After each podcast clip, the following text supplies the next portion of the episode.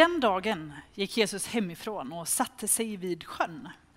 Det samlades mycket folk omkring honom och därför steg han i en båt och satt i den medan allt folket stod på stranden. Han talade till dem med många liknelser och sa, en man gick ut för att så. När han sådde föll en del på vägkanten och fåglarna kom och åt upp det. En del föll på de steniga ställena där det inte fanns mycket jord och det kom fort upp eftersom myllan var tunn. Men när solen steg sveddes det och vissnade bort eftersom det var utan rot. En del föll bland tistlarna och tistlarna växte upp och kvävde det. Men en del föll i den goda jorden och gav skörd hundrafalt och sextiofalt och trettiofalt. Hör, du som har öron.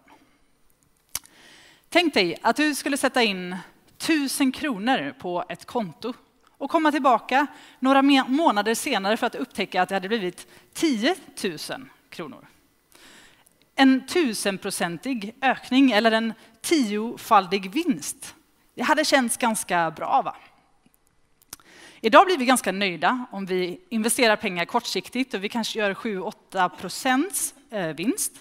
Eller om vi eh, investerar pengar ännu mer långsiktigt, då kanske vi kan räkna med en flerfaldig, till och med fyrfaldig vinst på våra pengar. Lite annorlunda är det när det kommer till odling. Här har vi en potatis. Eh, och om man sätter den i god jord, vilket jag borde ha gjort för ett tag sedan men inte har fått tid att göra, så kan man komma tillbaka efter tio veckor ungefär och räkna med att få sex, åtta potatisar utav den här. Alltså en, ungefär en, en sjufaldig eh, skörd på en potatis. Om man planterar ett sånt här litet frö, ett tomatfrö, och man har lite omsorg om plantan, vilket man behöver ha ganska mycket när det gäller tomater, så kan man komma tillbaka efter några månader och eh, skörda kanske 15-20 tomater ifrån den plantan. En 15-20-faldig skörd. När Gud planterar det här lilla fröet som Jesus berättar om så eh, talar han om en långt större skörd. Långt mycket större. Han eh, berättar om att det här lilla fröet, som vid första anblicken kanske ser ganska oansenligt ut, kan ge uppemot 30, 60 eller hundrafaldig skörd. När det, växer, när det får slå rot, när det växer upp och när det bär frukt. Snacka om att det finns potential i det lilla fröet som Jesus talar om. Lite längre fram i kapitlet så förklarar Jesus att det här fröet, det är ordet om riket. Alltså ordet om Guds rike. Om den nya verklighet som finns tillgänglig för oss efter, att, efter Jesu död och uppståndelse. Och efter att anden blir utgjuten, efter att vi kan få ta del av den helige ande. Och att vi kan få bli del i den kristna gemenskapen i Guds församling. Budskapet om Guds goda plan för ditt och mitt liv och för hela den här världen. Och vad vi förstår så är jorden, eller platsen där fröet handlar om i berättelsen, den är din, ditt och mitt inre. Den står för ditt och mitt hjärta. Den står för ditt och mitt liv. Så det berättelsen säger är att Gud, han sår sitt goda budskap in i ditt och mitt liv. Han vill att det ska få gro, att det ska få slå rot, att det ska få växa till och att det ska få bära frukt. Gud vill att ditt liv ska blomstra. Gud vill att ditt liv ska få vara en plats utifrån var det kommer god frukt som andra människor kan få smaka på. Gud vill att ditt liv ska vara något vackert, att det får växa något vackert ur ditt liv. Som, eh, där andra människor får smaka på hans godhet och hans nåd. Visst är det otroligt vackert nu på våren. När vi får se hur allting kommer till liv igen. Allt, alla ljusgröna träd och det börjar blomma och är fint. Och på samma sätt vill Gud att det ska se ut i våra liv. Han vill låta sitt ord få, få växa i våra liv så att det, så att det blir något vackert. Men frukten då? Frukten som Jesus talar om att det ska bli till skörden. Vad står den för? Då? Vad betyder den? Jo, den frukten är ju egentligen hela poängen med fröet, med växten, med grodden och med eh, plantan. Tomatfröet det, det gör ju inte så mycket glädje när det bara ligger där. Men när det hamnar i rätt sammanhang och får rätt saker runt omkring sig så händer det. Då växer det upp, då växer det till. Och på samma sätt är det med budskapet om riket. På samma sätt är det med Guds ord. Att när det får hamna i våra liv så kan det få växa till. Då får det ett sammanhang, då får det händer och fötter, då blir det kött och blod. Då kan det verkligen göra skillnad. Så Gud vill plantera budskapet om sitt rike och att den får växa till i din goda jord till glädje för andra människor genom den du är och genom det du gör. Kan du se det framför dig? Hur ditt liv får vara något vackert. Hur det får komma saker i ditt liv som är vackra, som smakar gott och som eh, blir till glädje för andra. Visst är det ändå en vacker bild som Gud ger oss? En vack, ett vackert måleri som Gud målar upp för oss om vad han vill med ditt och mitt liv. Men texten talar också om att det inte alltid blir så. Det finns andra utgångar för det här lilla fröet. För det första så säger Jesus att fröet kan hamna på vägen eller vid vägkanten. Vilket Jesus säger är när någon får höra budskapet men inte förstår det. Då kommer fåglarna och äter upp det och det blir till ingen nytta. Att förstå, att uppfatta, att inse vad tron handlar om och vad Gud vill, det är en förutsättning för att fröet ens ska kunna slå rot. Det kan handla om intellektuell förståelse, att på ett kognitivt sätt kunna ta till sig och tillgodogöra sig den kunskapen. Men det finns också en annan dimension av det som vi brukar kalla för uppenbarelse. Att förstå någonting som egentligen inte går att förstå. Som man plötsligt förstår. Kanske har du varit med om det själv. Man kan tänka, ibland pratar vi om att saker kan finnas i vårt huvud, vi förstår det med vår hjärna, men så trillar det ner i hjärtat och det blir en del av oss. Vi verkligen förstår, vi blir övertygade om att det är sant, för det får fäste och börjar gro i våra liv. I Efesierbrevet 1 och 17 så skriver Paulus. Jag ber att vår Herre, Jesu Kristi Gud, härlighetens fader, ska ge er en vishetens och uppenbarelsens ande som låter er få kunskap om honom. Uppenbarelse, att få förstå, det är alltså en, en gåva ifrån Gud Någonting vi får ta emot av honom. Det är inget vi pressar fram. Det är någonting som han ger till oss. Och Det är någonting som vi kan få ta emot. Och Det är inte först och främst universiteten, även om de kan ta oss en bit på den vägen, så är det inte först och främst de som hjälper oss att förstå det här och hjälper vårt frö, att, eller Guds frö, att få slå rot. Utan det är i relation till Jesus, i relation till den helige Ande som vi kan få ta emot den här uppenbarelsen. För det andra så kan fröet hamna på den steniga marken, säger Jesus. Då slår det rot, men när solen stiger, när hettan pressar på, då vissnar växten, för den har ingen rot. Jesus förklarade det som att det är när vi blir utsatta för lidande och förföljelser, alltså svårigheter av ett eller annat slag.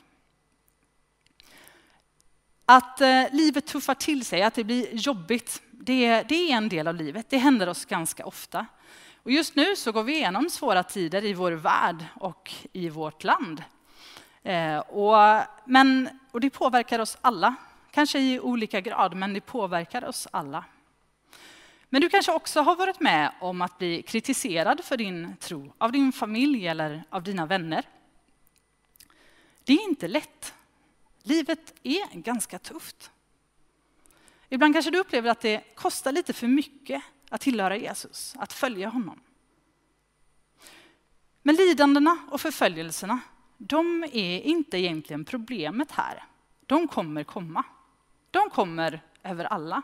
De kommer även över den växten som ger frukt. Skillnaden är att det inte finns någon rot hos det här fröet. Bibeln är full av exempel på människor som är, råkar ut för svårigheter av olika slag.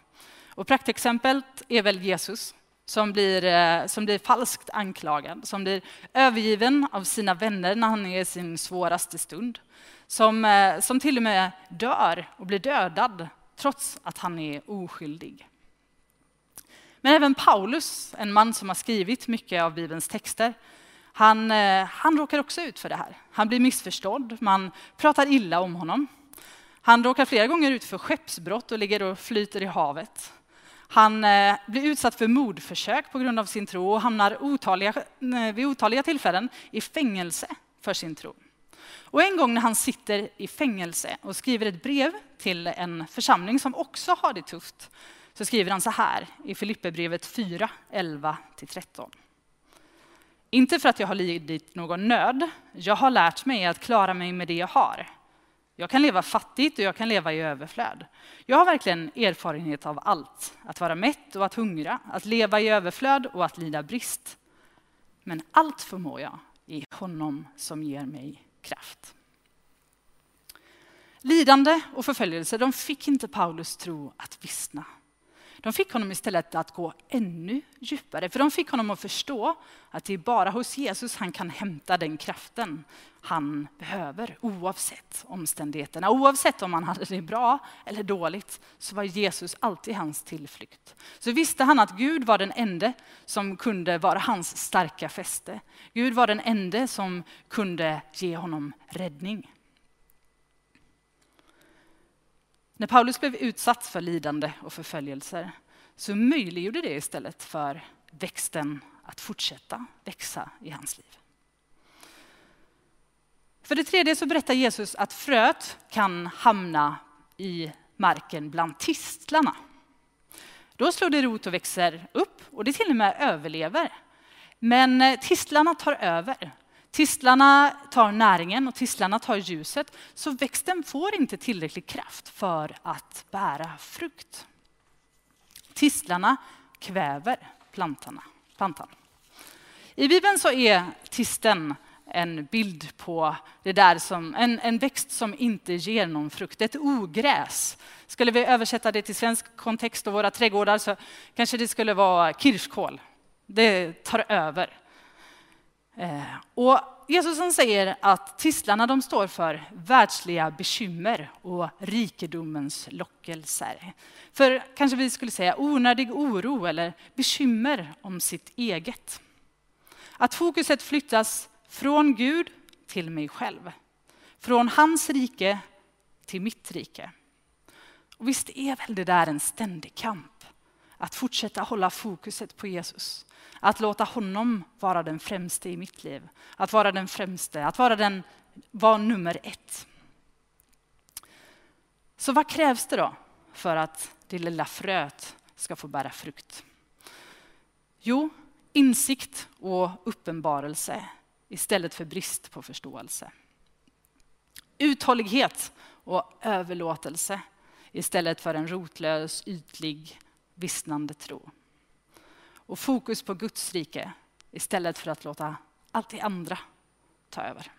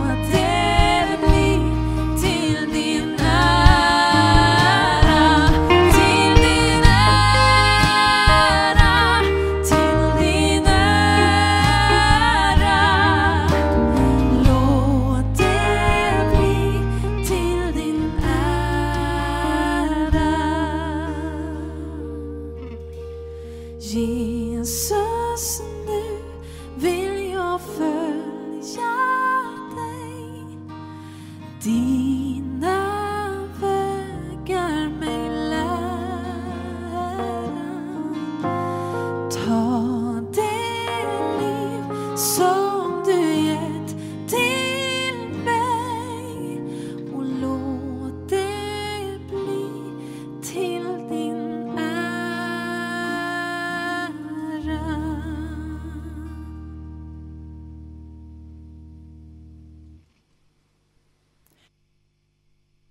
heter Hanna och jag har varit en av eleverna på Bibelskola Väst i år. Och jag tänkte dela lite kort om vad Gud har gjort. Ehm, och när jag kom till Göteborg och Bibelskola Väst så var jag så trasig. Ehm, jag kom från ett år som var präglat av så mycket besvikelse och jag skyllde Gud för allt. Ehm, och jag var helt ärligt inte så taggad på att gå bibelskola. Jag ville mest för överstökat för jag tänkte att ah, Jag trodde inte att det skulle bli någon skillnad. Men under året så har Gud verkligen mött mig. Han har tagit alla de här trasiga bitarna utav mig och liksom lagt dem på rätt plats.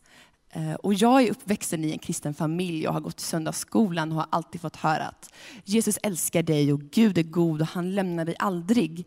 Men det är först i år som jag liksom har fått se att det här är verkligen sant. De här bibels, eller söndagsskolsanningarna liksom fått blivit verklighet i mitt liv. Jag har liksom sett att Gud verkligen, verkligen älskar mig. Att han är så god och att han aldrig lämnar mig.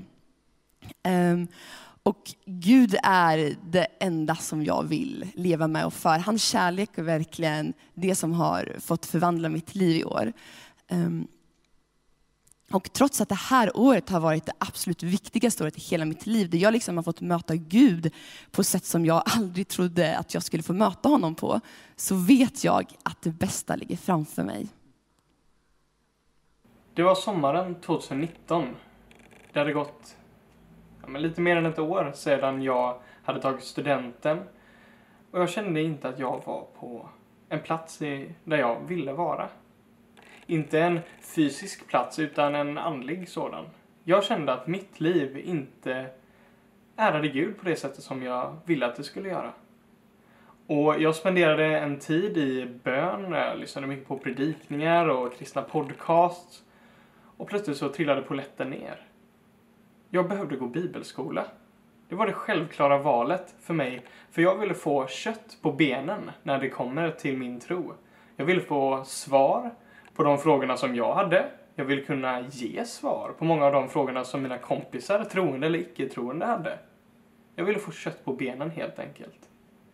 Och jag är så tacksam för det här året som varit. Jag känner verkligen att jag har fått kött på benen.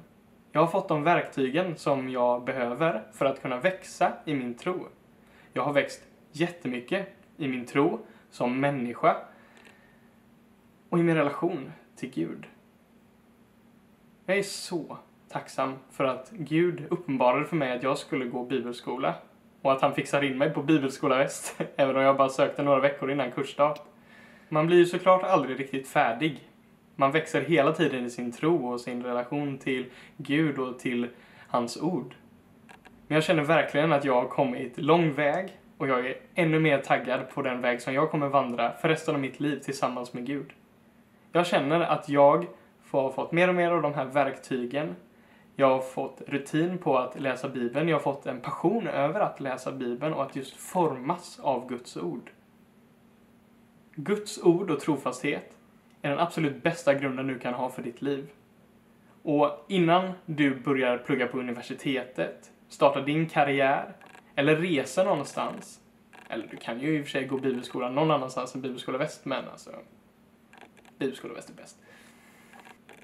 Så ta den chansen att skaffa dig den här grunden för livet, att bygga resten av livet på. En god grund som är grundad i Guds ord. Jag är så tacksam för det år som jag har fått ha och alla de vänner som jag har fått. Bibelskola är det ultimata alternativet. Du kommer inte ångra dig. Wow, vilka berättelser. Sådana tröttnar man aldrig på att höra. Gud är så god.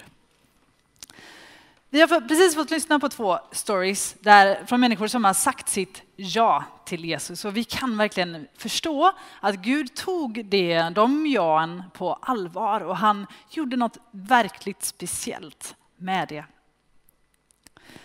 Vi pratade förut om vad som krävs för att det ska bli frukt i någons liv. Förståelse och uppenbarelse, uthållighet och överlåtenhet. Och så fokus. Det skapar förutsättningar för att Guds frö ska kunna slå rot och så småningom ge frukt. Kalle han berättade här att han eh, ville ha mer kött på benen. Därför sökte han bibelskola. Han ville förstå mer av vad livet med Gud handlar om. Han ville förstå mer av vad den tro han hade innebär och vad den betyder för hans liv. Och Gud svarade verkligen på den bönen. Hanna berättade om hur söndagsskolesanningarna fick bli en del av henne plötsligt. De fick trilla ner från huvudet, från att vara någonting som hon hade hört till att trilla ner i hjärtat, till att bli en del av hennes liv, till att bli en övertygelse där hon verkligen förstod att det var sant på riktigt. Att Gud är god, att han aldrig lämnar henne. Och det är så häftigt att få se när tron tar fäste och slår rot. När vi förstår mer om vem Gud är och vilka vi är i honom, våran identitet och vad uppdraget som kristen är. Hanna talade om att hennes liv kändes trasigt när hon kom till bibelskolan. Att hon hade låga förväntningar på året. Det där fröet, det riskerade att vissna. Men hon gav honom en chans. Hon gav inte upp trots att det var jobbigt, trots att det pressade på. Så gav hon honom en chans. Hon hade det där lilla hoppet att han kanske skulle göra någonting. Och det räckte. Gud tog det hoppet. Och i den processen så fick Hannas rötter växa vidare och gå djupare. Och nu idag så kan hon till och med stå här och säga att Gud tog det där tuffa, tog det där trasiga och gjorde någonting vackert av det. Både Hanna och Kalle uttrycker att de gjorde ändå medvetna val för att sätta sitt fokus på Gud. Och det de har fått se är att när man sätter sitt fokus på Guds rike, när man sätter hans rike först, så skapar det liksom en längtan att, efter att ännu mer bara leva för honom. Det tycker jag är en häftig grej. att göra det ger smak på vad livet egentligen handlar om och hur det levs som bäst. Tänk vad fantastiskt det är. Att när du och jag får ha en god jord inom oss så kan ett litet, litet frö bli till något fantastiskt. Leda till att andra människor får smaka Guds godhet genom våra liv. Och det coola också är ju att sprängkraften inte ligger i oss. Sprängkraften ligger inte i jorden. Den är bara ett sammanhang för fröet att växa. För hela potentialen finns i det lilla fröet. Hela hemligheten finns i det lilla fröet. I det som Jesus har gjort och det som han gör. Och det är skönt att veta att det handlar inte om en prestation utan att det bara handlar om att säga sitt ja till Jesus. Att det handlar om att få göra sitt liv till ett sammanhang där fröet kan få landa, gro, växa och bära frukt. Men hur gör vi det då? Vad kan vi göra i våra liv för att, för att skapa den där goda jorden inom oss där Guds ord kan få slå rot? Ja, men för det första, läs Bibeln. Och gärna med andra. Och be den helige ande att ge dig ännu mer förståelse och uppenbarelse om vad det handlar om. Idag så firar vi ju pingstdagen som Kristoffer nämnde i början. Att den helige ande kommer över varenda människa som tror på Jesus. Att den helige ande flyttar in i våra liv och blir våran hjälpare. Gud själv flyttar in för att hjälpa oss. Jag tror att en av de allra största uppgifterna för den helige Ande, det är att ta Guds ord och göra det till uppenbarelse för oss. Att låta det få bli en del i, av våra liv. Inte bara en intellektuell förståelse utan att det får landa ner och bli en del av oss. För det andra, att be. Att be, att lovsjunga, tillbe Gud och att vara inför honom, vara i hans närvaro, spendera tid i hans närvaro och låta honom få fylla dig med sin egen ande. Det skapar en god jord i våra liv. Gå på gudstjänst och var delaktig. Ta emot undervisningen, det som predikas och det som sägs och det som sägs i sånger. Låt det få beröra dig, låt det få leda dig, låt det få röra vid dig och påverka dig. Låt det göra skillnad i ditt liv. Och var med i lovsång och tillbedjan och ge din kärlek till Jesus. Ibland kan det vara ganska lätt att sitta av en gudstjänst bara. Speciellt när man kanske sitter hemma i soffan och tittar på tvn eller på datorn. Men, eh, och det, kan vara, det kan vara svårt ibland att låta en gudstjänst verkligen skaka om en. Men jag tror att vi så väl behöver att det kan få ske. Omge dig med andra kristna. Var med i en hemgrupp och så där. Men låt inte bara bli att du umgås med andra kristna utan använd, låt den där, de där relationerna få bli relationer där man uppmuntrar varandra, där man, där man sporrar varandra, där man delar brottningskampen tillsammans med varandra, där man hjälper varandra och får varandra att växa tjäna andra människor, oavsett om det är i kyrkan eller utanför. Det gör någonting med oss när vi lyfter blicken från oss själva och vi ser någon annan och någon annans behov.